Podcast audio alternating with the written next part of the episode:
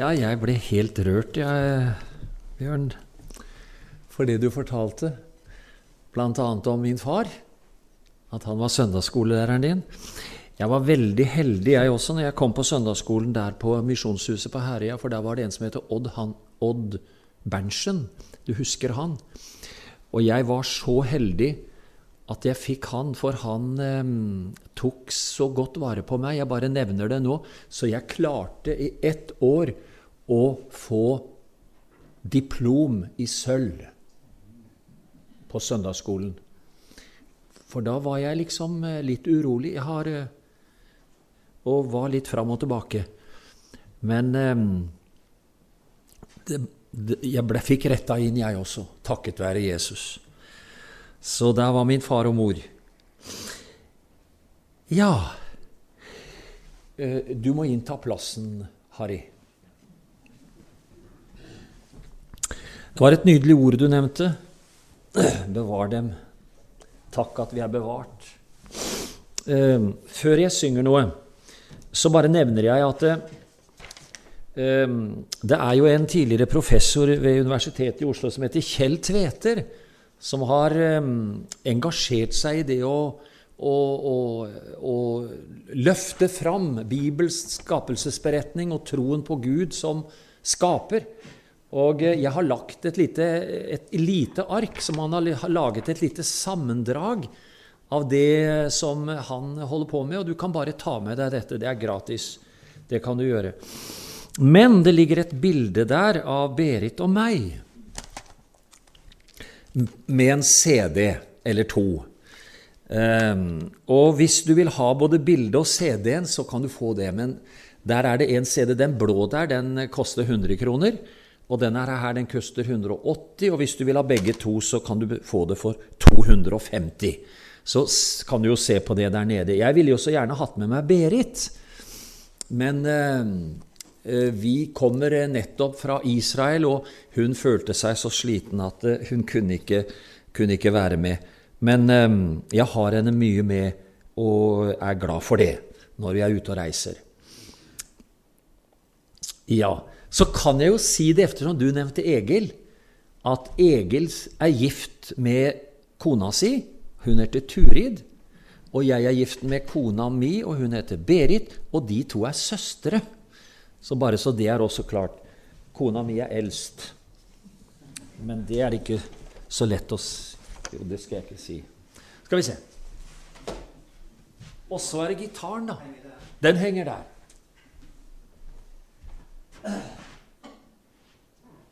Jeg hadde tenkt jeg skulle ta dere med på en liten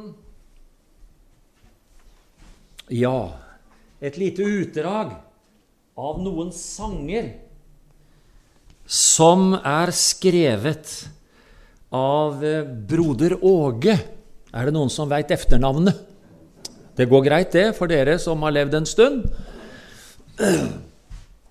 Åge Samuelsen skrev mange sanger. og jeg har faktisk også i de siste årene eh, hatt en del kontakt med familien, eh, eller barna hans. Og, eh, men nok om det.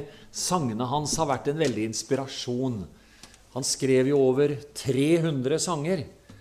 Og um, disse sangene, de Det var en av døtrene hans som sa det på den måten at det, det var akkurat sånn som når pappa om når pappa hadde det tungt og vanskelig, så var det som om, om Jesus gav ham en sang, og gjennom den en ny inspirasjon og hjelp på troens vei.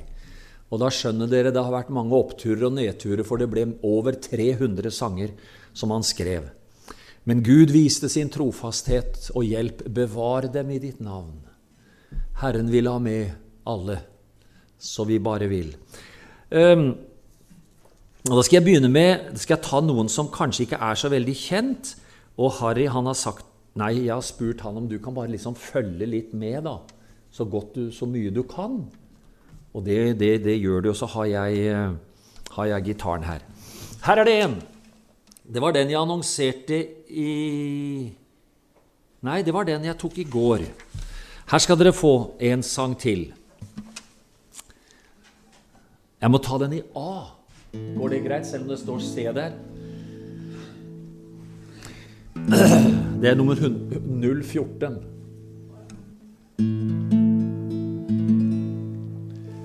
Her er det denne. Det er så få som stoler på Herrens store makt. Og mange, mange tviler på alt hva han har sagt. De tenker mon om Gud er til, tror ikke at han hjelpe vil. De i sin sjel blir aldri still for alt hva Jesus kan. Og atter andre sier å be det nytter ei. Det er vel best jeg tier, han hører ikke meg. For andre går det kanskje an å be til Gud vår frelsermann. Men om jeg ber og ber igjen, så hører ikke han. Jeg er jo så elendig, i meg bor intet godt. Jeg prøver bli selvstendig, men synes det går smått. For all den synd som bor i meg, den vil jo ikke fjerne seg. Kan Jesus være glad i meg? Det kan vel ikke han. Og så kommer svaret. Du bør sett ikke prøve å gjøre noe selv, for Jesus regner ikke med ditt allikevel. Men legg ditt alt på Jesus Krist, da blir du aldri lei og trist. Men du skal vite helt forvisst at Jesus hjelpe kan.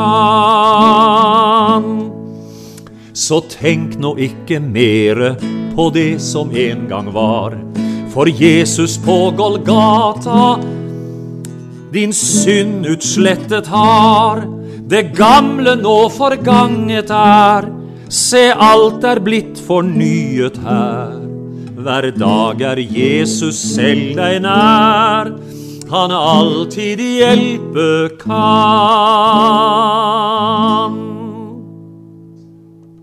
Er det noen som har hørt den før? Ukjent? Han har så mange. Her er en annen. Handler også om å ha din tro og tillit festet til Jesus. Det er nummer 018. G-dur må jeg ha den i. Det lønner seg å be til Gud i tro på kampens dag. For bønnen gir deg herlig svar om seier i hvert slag. For den som ber erfare skal Guds underfulle makt. Guds løfter er jo uten tall, blott tro hva Han har sagt. Elias ba til Gud i tro til ild fra himmelen falt. Mens Bals profeter rundt ham sto, fortærte ilden alt. For den som ber erfare skal Guds under fulle makt. Hans løfter er jo uten tall, blott tro hva han har sagt. Da Daniel ble kastet ned til løver for sin tro, var hjertet fylt av salig fred, i Gud han hadde ro. For den som ber erfare skal Guds underfulle makt. Hans løfter er jo uten tall, blå tro hva han har sagt. I Markus' hus de samlet var for Peter, der de ba. De der fikk de herlig bønnesvar og priste Gud så glad. For en som ber erfare skal Guds underfulle makt. Hans løfter er jo uten tall, blott tro hva han har sagt. Disippelskaren vendte om til salen for å be. Et veldig vær fra himmelen kom, de hellig ild fikk se. For den som ber erfare skal Guds under følge makt. Hans løfter er jo uten tall, blott tro hva han har sagt. Men Gud som jo den samme er, han sier be igjen. så kommer Åndens pinsevær med kraft fra himmelen. For den som ber erfare skal Guds underfulle makt. Hans løfter er jo uten tall, blott tro hva han har sagt. Halleluja. Har dere hørt den før? Så moro! Her skal dere få en til. Det er G-dur, det også. Det er 026. Det er mye tro i disse sangene her. Tillit til Gud og glede i Gud. Ennå strømmer fra Jesus hans kjærlighetsflod til hver håpløs og lidende sjel. Det er frelse å få ved hans hellige blod. Ennå går han omkring og gjør vel. La en dråpe av blodet berøre deg nå. Det vil gjøre deg lykkelig og glad. Det vil løse fra synden, fra sykdom og gru. Gi deg adgang til himmelens dag.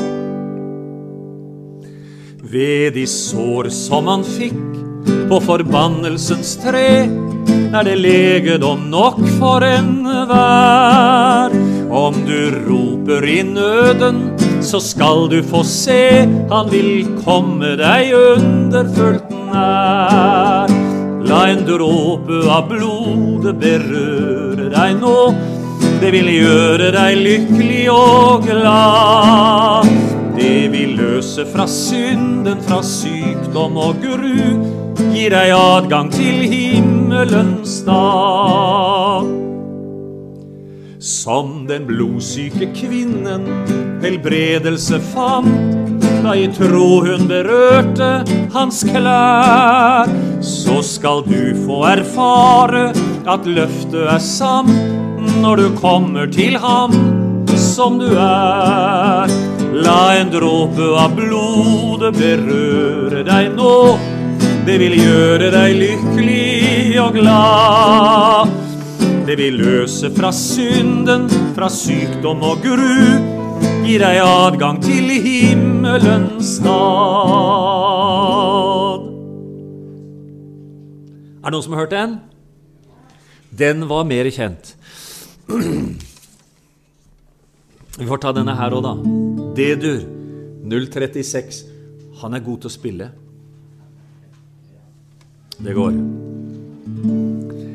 Gud har elsket verden så at han gav sin egen sønn. Som du vil tro på ham, du får oppleve frelseskjønn. Du får kleder, sko og ring, herlig gjestebudet blir, og ditt beger flyter over av den gamle, klare vin. Gå du ut fra fremmed land til din far som har deg kjær. Du behøver ikke pynte deg, men komme som du er. Om du tørster eller hungrer, Gud har mer enn nok å gi. Han vil tilgi all din brøde, gjøre sjelen glad og fri.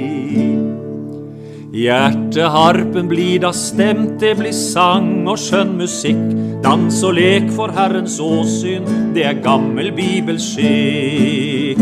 Det blir glemt hva du har vært, Guds fred vil fylle sjel og sinn. Og ditt beger flyter over av den gamle, klare vin.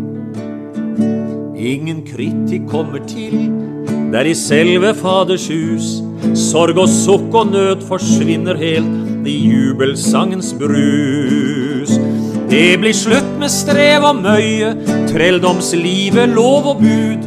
Gode gaver gis av nåde, halleluja, prise Gud. Det blir slutt med strev og møye, trelldomslivet, lov og bud. Gode gaver gis av nåde, halleluja, prise Gud. Noen hørt den før? Ja. Ja, skal jeg synge meg gjennom hele møtet, da? Kan vel ikke det, da? Men nå skal dere få en til. Se du Nei, det er 019. Det strømmer fra Frelserens hjerte en underfull kjærlighetsflod. Nu flyter for synd og for smerte hans rene og hellige blod. For deg har han litt syndebrøden. Han vandret den tornfulle vei. Han lydig var helt inn i døden. Frivillig han ofrede seg. Han derfor kan fullkomment frelse og løse hver lenke, hvert bånd. De sår som han fikk, er din helse. For legem, for sjel og for ånd. Kom, motta forløsning av nåde. Han kaller, han venter på deg. La han i ditt hjerte få råde. Jeg vet at han skuffer deg ei. En salig og underfull glede vil fylle ditt hjerte og sinn. Han sikkert og trygt vil deg lede til himmelens herlighet inn.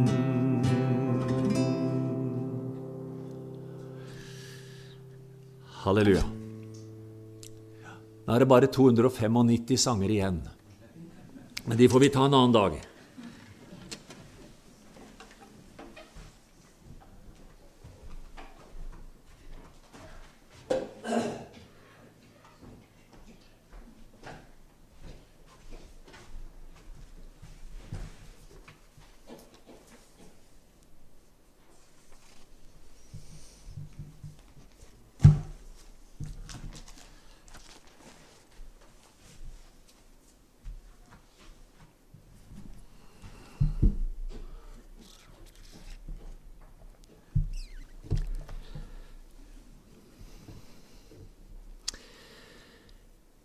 Ja. Vi var samlet her i går, og vi leste ifra Lukas evangelium kapittel 24 og så på et av de sterke oppstandelsesbevisene som vi hadde. Det fjerde i tallet som er nevnt i første påskedags beretningene. I dag så skal vi lese fra Lukas evangelium, kapittel 9. Og der møter vi et av de mange guddomsbevisene på hvem Jesus er. Det var jo det det, det handlet om. Hvem er Jesus? Og når disiplene på Genesaretsjøen hørte han true vinden og bølgene, så gikk det etter hvert opp for dem. Hvem er han egentlig? Hvem er han? Tror dere? Ennå ikke. Han spurte om deres tro. Hvor langt er dere kommet? Hva forstår dere nå av hvem jeg er? Og så er vi altså kommet nå til det niende kapittel i Lukasevangeliet, og da leser vi i Jesu navn. Fordi i begynnelsen, eller midt i dette kapitlet, så er de kommet opp til en plass som heter Cesarea Filippi. Og alle som har vært der, dere vet at det ligger ved foten av Hermons snøkledte fjell. Og så står det i vers 28 Omkring åtte dager etter at han hadde sagt dette, tok han med seg Peter, Jakob og Johannes og gikk opp i fjellet for å be. Og mens han ba, fikk ansiktet hans et annet utseende, og klærne ble blendende hvite. Med ett sto det to menn og snakket med ham, det var Moses og Elia. De viste seg i herlighet og talte om den utgangen livet han skulle få, om det han skulle fullføre i Jerusalem. Peter og de andre hadde falt i dyp søvn. Nå våknet de og fikk se hans herlighet og de to mennene som sto sammen med ham. Da mennene skulle til å forlate ham, sa Peter til Jesus, Mester, det er godt at vi er her. La oss bygge tre hytter, en til deg, en til Moses og en til Elia. Han visste ikke selv hva han sa. Mens han talte, kom det en sky, skygget over dem, og da de kom inn i skyen, ble de grepet av frykt. Det lød en røst fra skyen. Dette er min sønn, den utvalgte, hør ham. Og da røsten lød, var det ingen annen å se, bare Jesus. Disiplene tidde med dette. På den tid fortalte de ikke noe hva de hadde sett. Og så ber vi deg, kjære Jesus, at du også i kveld helliger oss i sannheten. For ditt ord er sannhet. Amen. omkring åtte dager etter. Det er så nøyaktig at i et av de andre evangeliene så står det seks dager deretter. Ja, Det stemmer jo, det. Det er jo omkring åtte dager, det. Så nøye er de. Er ikke det fint? De er oppe ved Cesarea Filippi. Det ligger helt altså der oppe ved Hermon. I området der så stiller Jesus spørsmålet Hvem sier folk at menneskesønnen er? Jo, det var mange som hadde meninger om Jesus.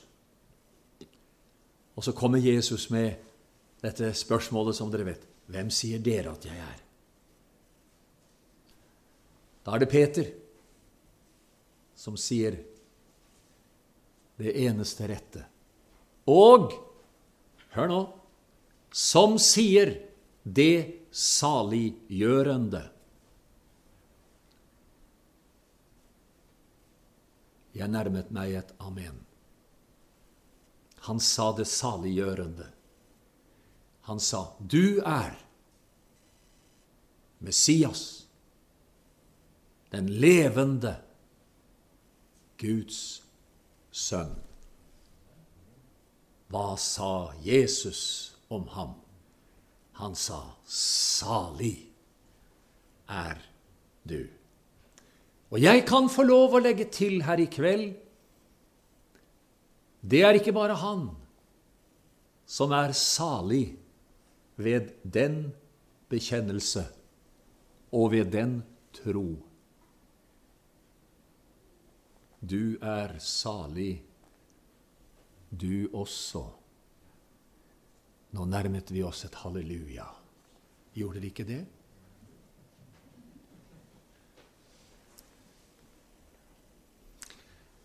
Salig er du, Simon Peter, for kjøtt og blod har ikke åpenbart deg dette, men det har min Far i himmelen. Og du og jeg som bekjenner dette, vi er påvirket av en kraft ovenfra som er Den hellige ånd, troens ånd. Halleluja. For det er noe som bare Ånden kan gjøre for oss.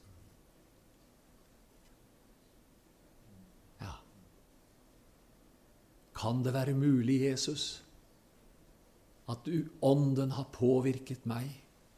berørt mitt indre og opplatt mine troes øyne, så jeg tror det som Peter tror, og er like salig som han. Du er Messias, den levende Guds sønn. Ja. Amen.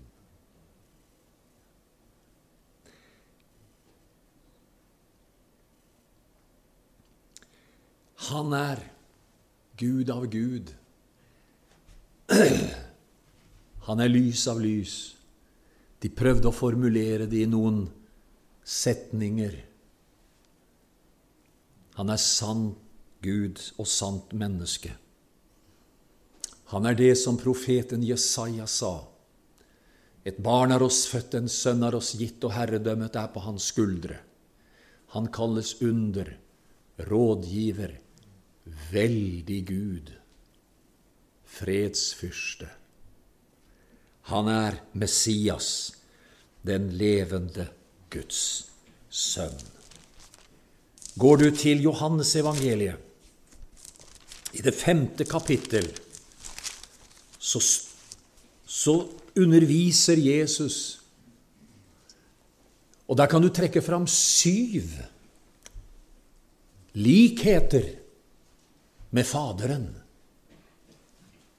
Syv likheter som Jesus underviser disiplene og de som hører han. Hvem er han? Hvem er han? Jo, han viser ut ifra syv likheter med sin far hvem han er.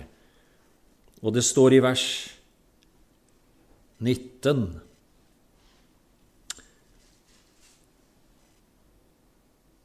For far elsker Sønnen og viser ham alt det han selv gjør. Likhet i gjerning.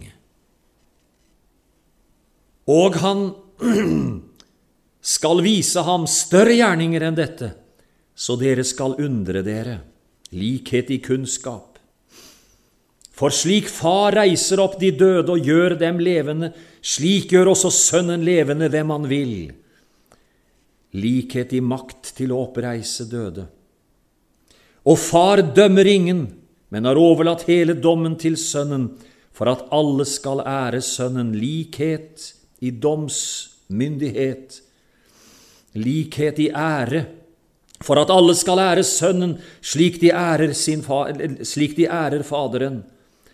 Den som ikke ærer Sønnen, ærer heller ikke Faderen, for han har sendt ham. Den som hører mine ord og tror på ham som har sendt meg, har evig liv og kommer ikke til dommen, makt til å tilgi og, unnskyld, makt til å gi evig liv. Og den syvende likheten er det vers 26. For slik Far har liv i seg selv, har Han også gitt Sønnen og har liv i seg selv. Guddommelig sameksistens. Jesus underviser om hvem han er. Guds levende sønn. Du er Messias, den levende Guds sønn. Og samtiden får høre og få se hvem han er. Og jeg noterte meg ned, for det første, dette veldige vitnesbyrd av Faderen. Når Faderen talte fra skyen, så sa han hvem Jesus var. Du er Messias. Eller 'Dette er min sønn', var det jeg ville ha tak i. 'Dette er min sønn, den elskede'. Hør ham. Det er Faderens vitnesbyrd. De hadde hørt det før. De hadde hørt det der nede ved Jordan, elven, der hvor Johannes døpte. Og så kommer Jesus ned dit for å bli døpt av Johannes. Og Johannes vegrer seg, for han døper med omvendelsesdåp. Og Jesus hadde ikke noe å omvende seg fra. Og det hadde Johannes døperen forstått. Derfor sier han, 'Jeg kan ikke døpe deg'. Så sier Jesus, 'La det nu skje, for slik sømle seg og fullføre all rettferdighet'. Så da lot han det skje. Og så døpte han ham med Jesu dåp, som bare Jesus er døpt med. Og jeg har interesse av å si følgende jeg har, jeg har, tenkt så mye på det ordet For således sømmer det seg å fullbyrde all rettferdighet. Interessant ord. Prøv denne tanken som jeg kommer med nå. Ja, vi og alle mennesker, de ble døpt med Johannes' dåp, omvendelsesdåp, som vi sier. Vi blir døpt med den dåp som Jesus innstiftet efter oppstandelsen, den kristne dåp. Vi døpes til Kristus Jesus.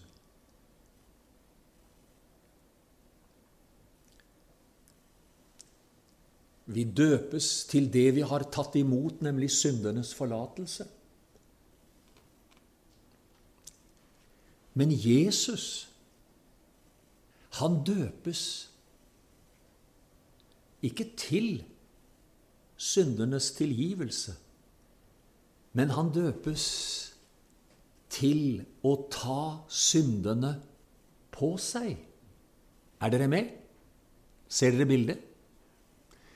Og da tenker jeg ja, for således sømmer det seg å fullbyrde all rettferdighet.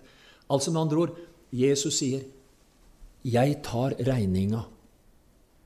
Henger dere med?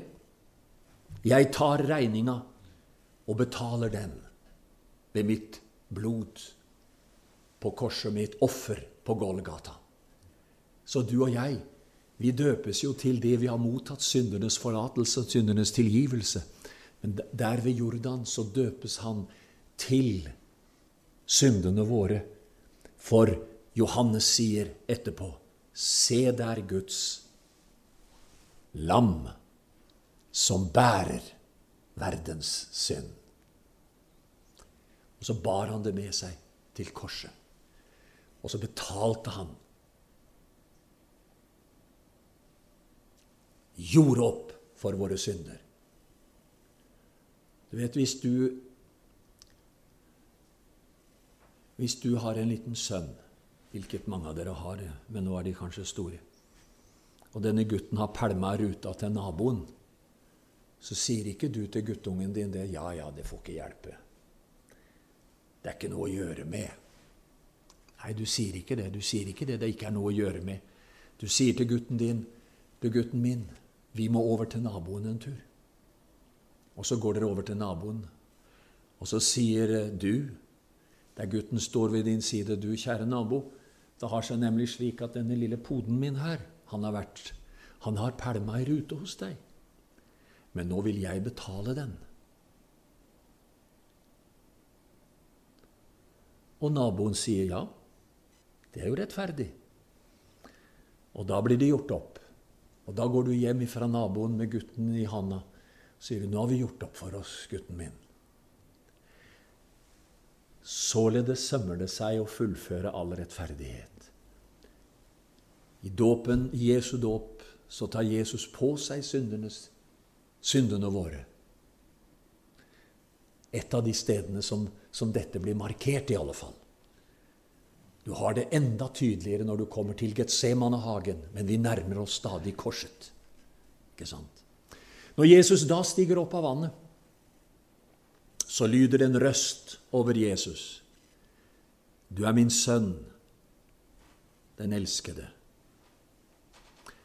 Røsten fra himmelen, fra Gud selv, lød ved Jesu dåp. Folket hørte det. Og disiplene, noen av dem som var Johannes' disipler, de vender seg om og følger Jesus. Og Johannes sier om seg selv, 'Jeg skal avta, han skal vokse'. Der er Guds lam. Amen. Det er Faderens vitnesbyrd om Jesus. Det andre vitnesbyrdet, det er jo Åndens vitnesbyrd. Og det skjer også nede ved Jordan, ved Jesu innvielse til sin gjerning. For det står himmelen åpnet seg over Jesus. Ja, du Jeg har ikke fantasi, så jeg vet ikke hvordan det skjedde. Men altså, himmelen åpnet seg over Jesus. Og så står det ånden kom ned over ham i en dueskikkelse. I en dueskikkelse. Ånden kom ned over ham. Ånden kom ned over ham. Den, det, det neste vitnesbyrdet om Jesus som Guds sønn, det er Det gamle testamentets profetier om Jesus. Amen. Jeg har allerede sitert et av dem, fra Jesaja. Barnet er oss født, sønnen er oss gitt, herredømmet er på hans skulder. Han kalles under, rådgiver, veldig Gud. Og alle de andre 300, over 300 profetiene i Det gamle testamentet oppfylles, de som skal oppfylles ved hans første komme. Amen. De er vitnesbyrd om hvem han er, Messias, den levende Guds sønn. Det er et underlig fenomen eller hendelse som skjer under domfellelsen av Jesus. Ypperste presten står foran Jesus. Synedriet sitter rundt de 70 eldste. Så kommer de falske vitner for å prøve å få, for, for å få felt Jesus, men ingenting stemmer. Så ypperste presten griper selv inn, reiser seg, og så står det Jeg tar deg i ed, sier ypperste presten. Jeg tar deg i ed ved den levende Gud. Er du Messias, den levende Guds sønn? Da svarer Jesus, Du sier det. Jeg er. Og det uttrykket 'jeg er' det visste ypperste, ja, Da hørte ypperste presten mer enn det vi hører. For ypperste presten husker selvfølgelig tilbake på Moses. Da Moses spurte Gud, 'Hvem skal jeg si har sendt meg til Israels folk i Egypten?' Og så får han høre, 'Jeg er har sendt deg'. Da blir han så forfjamset og så forskrekket. Men han er, han er ingen troende sånn som vi er. For vi sier ja og amen til Jesu vitnesbyrd overfor ypperste presten. Men han er, så, han, er, han er, ingen troende. Så det står faktisk Da river han sin ypperste prestelige kledning i stykker, og så sier han han er skyldig til å dø, for her hører vi gudsbespottelsen. Men vi tror det er sant. Amen. Amen. Amen. Og det underlige er Bli med på den tanken også. Det er jo underlig at ypperstepresten river i stykker i affekt sin ypperste prestlige kledning, for han er jo ypperste prest efter Arons prestedømme. Men det er jo som han gjør en profetisk handling. Det er som han egentlig sier det han ikke ville si. Han sier, 'Nå er min ypperste prestelige eh, tjeneste over, for nå står jeg foran Han som Gud har innsatt til ypperste prest til evig tid', efter Melkisedeks vis, Hebrebrevet. Halleluja! Altså Uten å ville det, så gjør han jo det som han absolutt skulle ha gjort. Tre til sides, for nå skal det store offer frembringes på Golgata. Her har Guds sønn gått inn i menneskehetens sted. Frelsen er av Faderen ved Sønnen. Sønnen går inn i sin tjeneste som ypperste prest og som offer og gjør soning for folkets synder. Ikke bare for ett år, som for jødene, men for alle mennesker på alle steder, til alle tider. Nå er Han. Nå er Han kommet. Nå er min tjeneste avviklet. Og hva skjer? Ofringen i tempelet blir feid til side ved Jerusalems ødeleggelse For alt sammen hadde bare sin funksjon frem til at Jesus kom. Derfor så går ikke jeg og venter på at tempelet skal bli oppbygd. Jeg vet det står om tempelet at Antikrist skal sette seg inn i tempelet, men jeg går ikke og ønsker at Israel skal, skal bygge opp igjen tempelet. For tempelets tjeneste er over. Alt var forerbilledlig fram til det store offeret kom. Amen. Forstår dere tanken? Amen. Skriftenes vitnesbyrd om Jesu guddom å, takk, kjære Jesus. Det, også et vitnesbyrd om hvem Jesus er, Messias, Guds sønn. Det er gjerningenes vitnesbyrd. Ett av dem innledet du med, Harry, hvor Jesus truer stormen og bølgene, og de legger seg. Alle de gjerninger Jesus gjør, viser hvem han er. Guds sønn fra evighet av. Gjerningene er så overbevisende, er så mangfoldig, at disse gjerninger, og alle disse gjerninger, er vitnefestede gjerninger. Amen.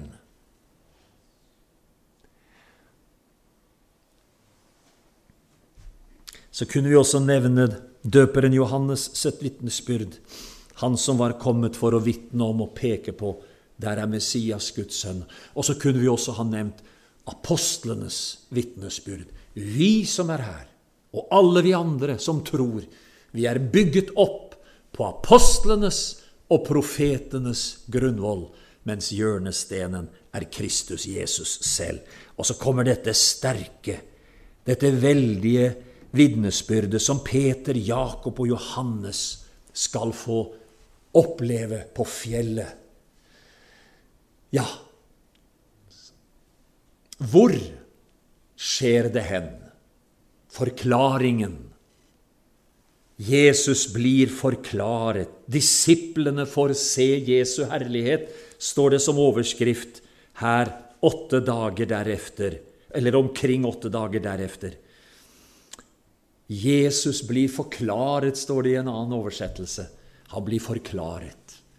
Nå skal noe forklares som jo egentlig menneskelig sett er helt uforklarlig, men som egentlig bare Gud forklarer for oss. Det er hvem er Jesus? Ikke sant? Ja. Noen har lagt denne hendelsen til, til Taborfjellet, som ligger borte ved eh, Galilea. Eh, eh, ved si, borte mellom ved Nasaret-området der. Og det kan godt hende, for vi vet ikke riktig. Men, men, men er det greit at jeg tenker at jeg syns det ser ut som det kan være på, på Hermonfjellet? Jeg vil ha det der. Ja, dere behøver ikke å være enige med meg, og det er ikke så viktig hvor det skjedde, men at det skjedde. Er dere med? Er dere med? Det står at de gikk opp på fjellet. Nå står det ikke det at de gikk opp på fjellet for å få en opplevelse. Kjære dere, det står at de gikk opp for å be. Ja. Det står at de ble alene med ham, står det. Det kan se ut som de gikk opp den ene dagen, og så de gikk ned den andre. Og det kan se ut som at denne forklaringen av hvem Jesus er, at det skjedde på natten. For det står 'da de ble fullt våkne'. Ok. Da skjer dette mektige som er omtalt fire steder i Det nye testamentet.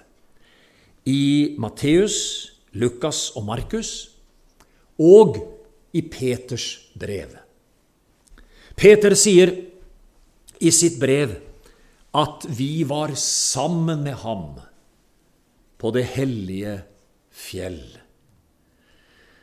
Nå er verken Tabor eller Hermon omtalt tidligere som hellige fjell.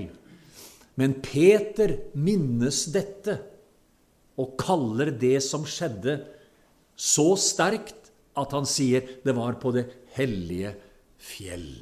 Det var blitt hellig for ham, det stedet, fordi det hadde skjedd dette. Og da sier Peter i sitt brev at uh, ikke var det kløktige, utenkte eventyr vi fulgte da vi kunngjorde vår Herre Jesu Kristi makt å komme. Vi hadde vært øyenvitner til hans storhet. Og så refererer han til det som skjedde på fjellet. Hva er det som skjer? Jo,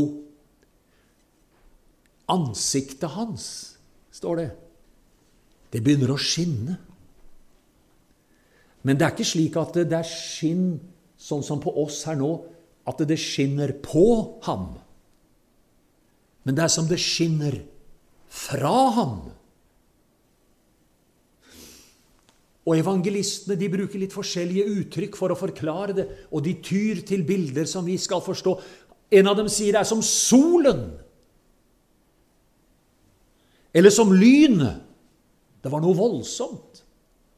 Og klærne, er det vel Markus som sier, de ble så hvite. Og så sier han så menneskelig. Han sier så ingen bleker på jorden kan gjøre klær så hvite.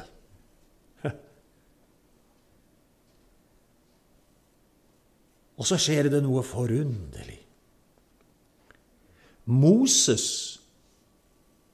som hadde vært død i 1450 år, viste seg for dem. Og som om ikke det var nok, så er Elias der også. Han har vært nå i 900 år. Han viser seg også, og der står de sammen med Jesus. Er det noe rart i at uh, at de, de blir redde, men det kommer litt seinere i teksten. Det står altså disse viser seg for dem. Og så Og så står ikke Moses Det er forresten godt at Moses fikk komme inn i landet, dere. Dere som kan Skriften, dere husker at Moses han kom jo ikke inn, han ble begravet utenfor Kanans land fordi han hadde vært ulydig mot, mot Gud når han hadde sagt at de skulle tale til klippen, så hadde han slått i stedet. Så kom han ikke inn i landet. Men nå kommer han inn. 1460, ja, 400 år etter. Nå kom han inn i landet. Ja, det var bare en liten bisetning. Nå kom han inn i landet. Han kom der på Jesu på det Jesus skulle gjøre, han også. Ja, det var fint tenkt. Halleluja. Og hva snakker de om? Hører du, de snakker ikke om det Moses hadde gjort. Nei, var ikke opptatt med Moses i det hele tatt. Og Moses var ikke opptatt av seg sjøl heller. Og Elias var der, men Elias snakket ikke om alle det han hadde gjort. De samtalte og talte om det som han, Jesus, skulle fullføre og gjøre i Jerusalem. Verdens midtpunkt. Amen. Til alle tider og for alle mennesker. Det er det Jesus gjør. Han skulle fullføre. De taler om Jesu død på korset. Det var himmelen opptatt av. Amen.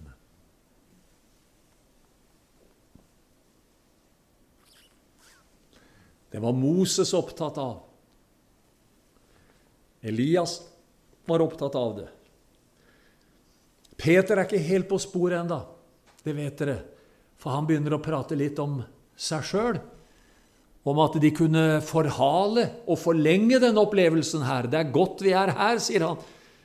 La oss bygge tre boliger, en til deg, en til Moses og en til Elia. Han visste ikke hva han sa. Noen vet jo ikke hva de skal si når de skal si noe. Og andre vet jo ikke hva de har sagt når de har sagt noe. Så det er jo sånn med oss mennesker. Og vi får la, Mose, vi får la Peter være det han er. Og han blir ikke bebreidet heller. Noen ganger er det godt å, å, le, å lese også. Ja til absolutt til vanlig, så, så fremstiller Jesus seg alltid som menneskesønnen. Ikke sant? Når han gikk her nede, så gikk han her nede som menneskesønnen. Sann Gud og sant menneske, som jeg sa. Han hadde gitt avkall på noe da han kom hit som menneske. Han hadde, han hadde gitt avkall på å være Gud lik, altså Guds maktutfoldelse. Så det han gjorde, det gjorde han bare under Åndens eh, inspirasjon og disiplin, og for å vise hvem han var. Men ellers så holdt han sin guddoms herlighet tilbake. Han gikk omkring som et menneske og ble en tjener. Amen og ble lydig til døden, ja, døden på et kors, for han skulle i alle deler være mennesker lik. Og han gjorde aldri sin guddomsmakt i bruk, tok aldri sin guddomsmakt i bruk for å lette seg selv og gjøre det lettere for seg selv. Husker du fristelsen i ørkenen? Du og jeg kan jo oppleve fristelse, og det er jo forferdelig. Og det kan eh, friste oss. Men Jesus blir en fristet på en helt annen måte, fordi Jesus, djevelen sier, 'Er du Guds sønn?' Så si at disse stener skal bli til brød. Er du Guds sønn? Men Jesus sviktet aldri å være et sant menneske. Amen. Halleluja. For det var som et sant menneske. Han skulle oppfylle loven. Amen. Det var som et sant menneske. Han skulle være vår lovoppfyller og gjøre Guds vilje fra fødsel til sin død. Det var som menneske han gikk til korset for å sone verdens synd og ta på seg vår byrde. Amen. Halleluja. Men her får disiplene se, og her får du og jeg vitnesbyrdet om hvem han er. Han er sann Gud. Guddomsvitnesbyrdet. Og nå kommer det enda sterkere. For efter at Moses og de hadde sett Moses og sett dem samtale seg imellom med Jesus, så står det Og det er et neste høydepunkt på fjellet så kommer det en sky og overskygger dem.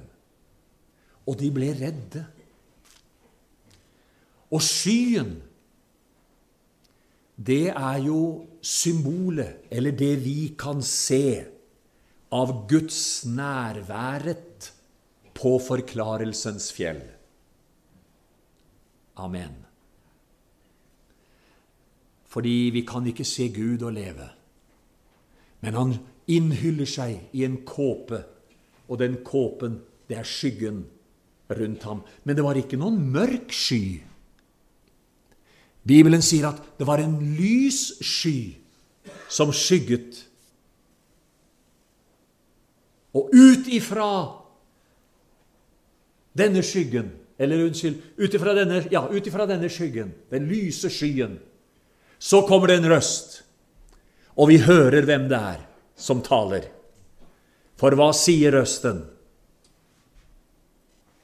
Dette er min sønn. Dette er min sønn. Dette er min sønn. Da hører du at han taler til disiplene. Ikke sant? Dette er min sønn, den utvalgte. Hør ham.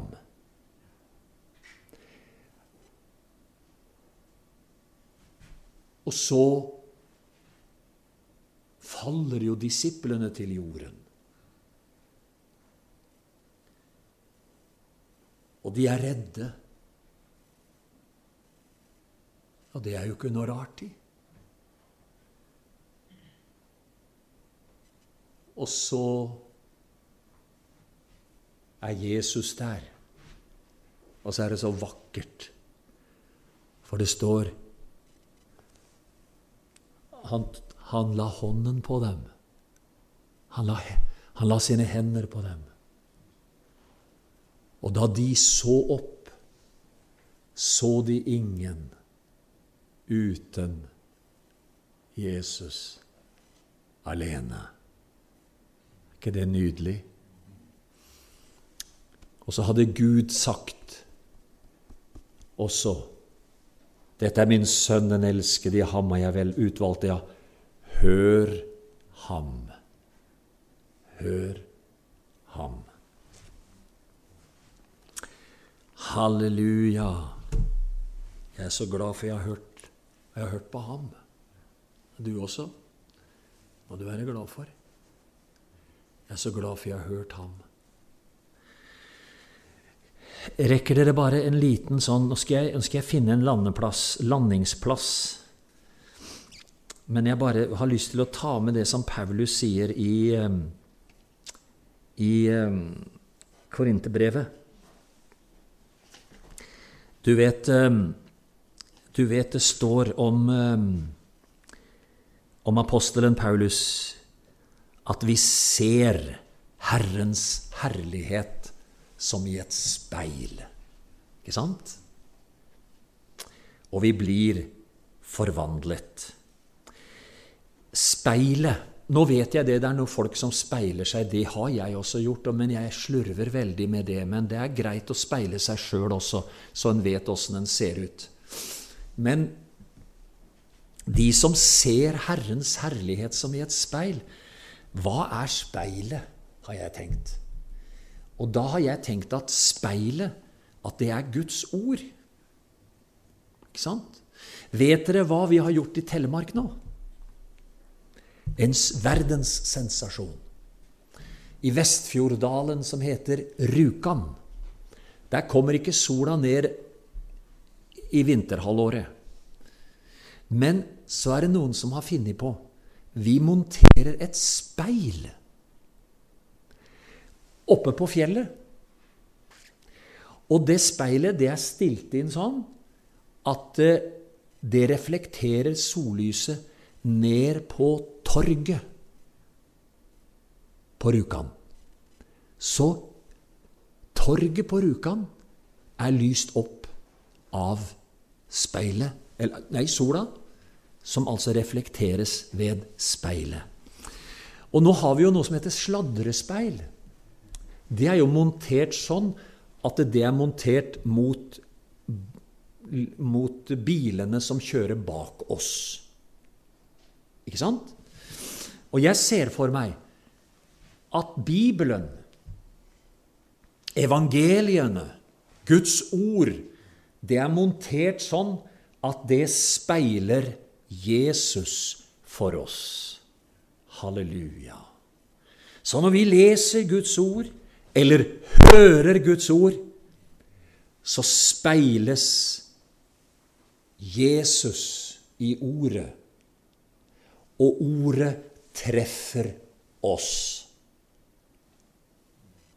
Amen. Ordet treffer oss. Og hva står det da? Jo, da står det 'Vi blir forvandlet'. Oh. Halleluja. Da vi var smågutter, så eksperimenterte vi litt med speil. Og vi, vi, vi prøvde jo oss med oss å lage å, å, å finne brennpunktet.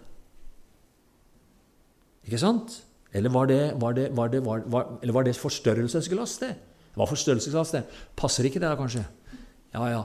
Men jeg ser for meg liksom at når du og jeg ser og hører Ordet, så reflekteres det fra virkelighetens verden inn i vår verden, og det finnes et brennpunkt som gjør at ditt og mitt hjerte blir satt i brann. Og så sier Paulus og dette skjer ved Guds ånd. Amen. Halleluja. Sånn vi er her i kveld, så blir altså så, så bruker vi speilet. Og speilet reflekterer den guddommelige herlighet fordi den er rettet inn imot ham. Og så speiler det inn i våre hjerter. Og der er Guds ånd, som gjør det levende og gjør forvandlingen som Guds ord taler om. Du tar poenget. Halleluja. Herre, du kalte disipler blant menn uten rikdom og rang. Vaklende var de i troen, de feilet og falt på sin gang. Alle forlot deg i nøden, fryktsomme svek de sin venn. Du som var trofast til døden, ble stående ensom igjen. Herre, ditt rike ble fremmet ved noe som ingenting var. Skatten fra deg er blitt båret i skjøre og dårlige kar. Taperne vant ved din seier. Fallende ble reist av din hånd, svake fant kraft. Den du eier, den feige fikk mot ved din ånd.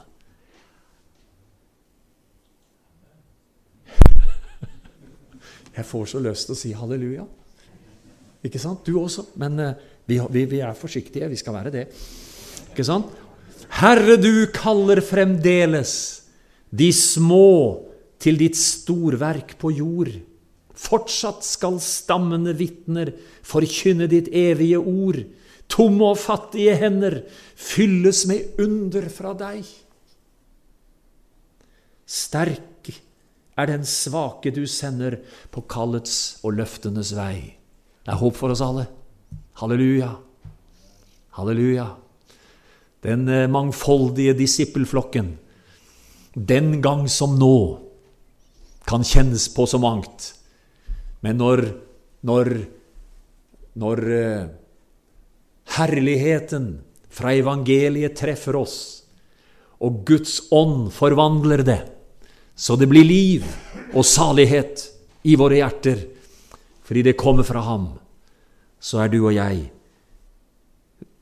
ildvitner for Herren Jesus, vi også. Halleluja. Å, takk og lov, Jesus Kristus. Nå er det på tide å slutte.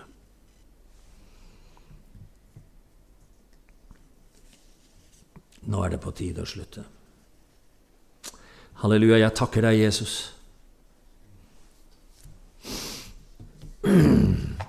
Vi bekjenner med deg, med, med Peter. Vi bekjenner med de andre disiplene. Vi bekjenner du er Messias, den levende Guds sønn. Jeg priser deg for ordets speil, halleluja, som reflekterer herligheten fra deg, som er evig og uforanderlig. Halleluja. Og du skal velsigne hver og en av dine barn her i kveld. Du reiser oss opp til vitner for deg. Vi er små, og uh, vi trenger kraft. Men jeg takker deg, for du har den kraft du eier, og den skal bli en del av oss. Halleluja. Når vi begynner å gå, så ser vi du er med. Du er med. Du er med. Velsign enhver som er her i kveld, til å se, se på deg. Du fyller den enkelte med Den hellige ånd, med Åndens ild og kraft, og leder oss videre i Jesu navn. Halleluja. Kjenner du at du vil løfte en hånd, så, jeg, så blir vi med i en forbønn for oss selv og hverandre her nå. Og det er bare Herren som ser den handa di. Og løft den i tro og tillit og i ydmykhet til Herren. Herre Jesus, jeg takker deg for hver og en av dem som løfter en hånd. Velsign den enkelte. til å ta inn, til å ta inn det de allerede har, og det de allerede eier. Du har velsignet oss med all åndelig velsignelse i himmelen i Kristus, og denne velsignelsen som er i himmelen, den skal få være vår til kraft og styrke på troens vei videre. I Jesu navn. Amen. Amen.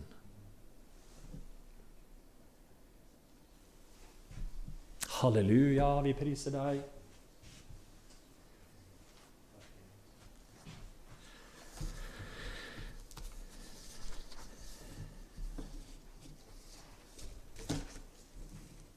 Jeg får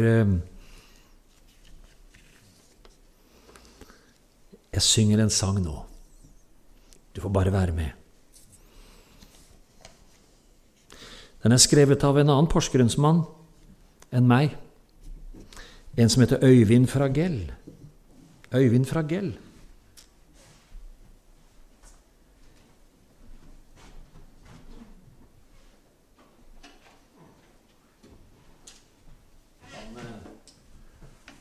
Ja, jeg vet ikke, jeg tror ikke han var like berømt som Åge Samuelsen.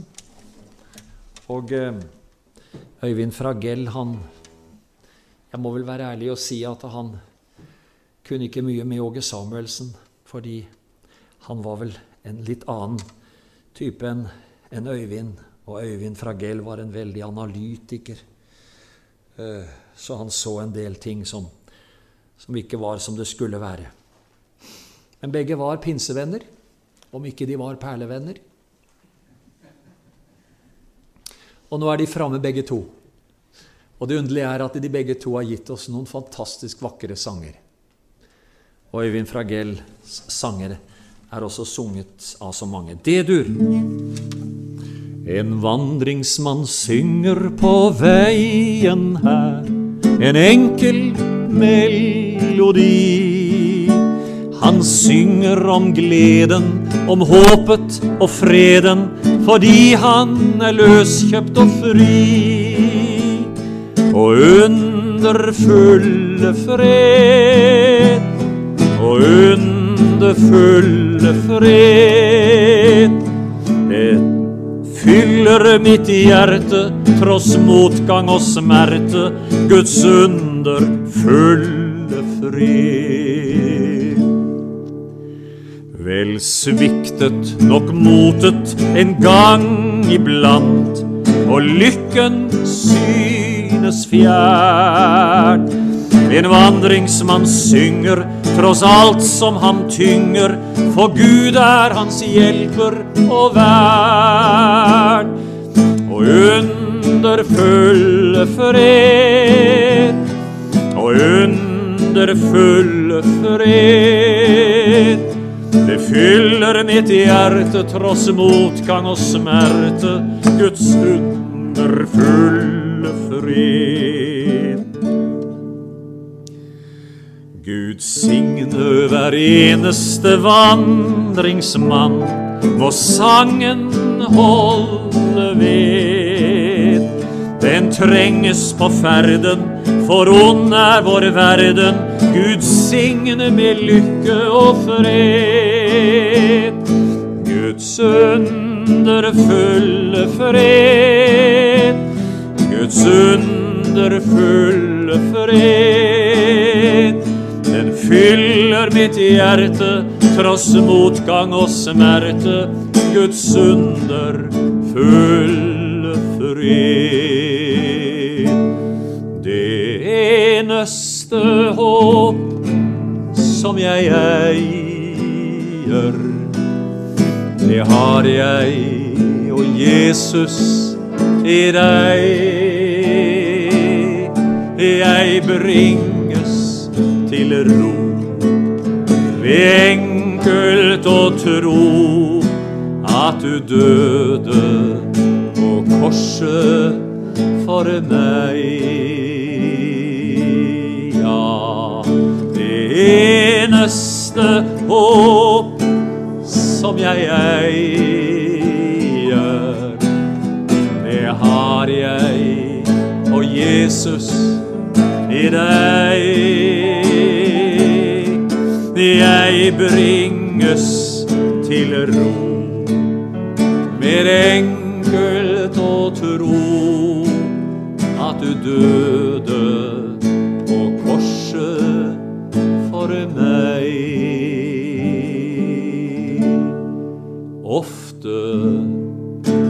jeg vandret bedrøvet,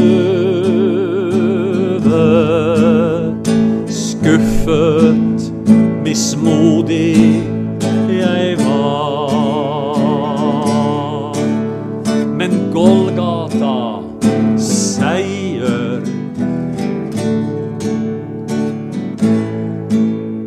Det som all ufred bortar.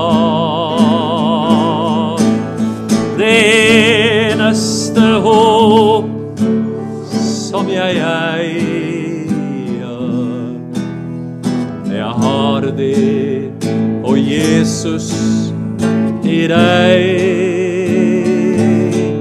Jeg bringes til ro ved enkelt å tro at du døde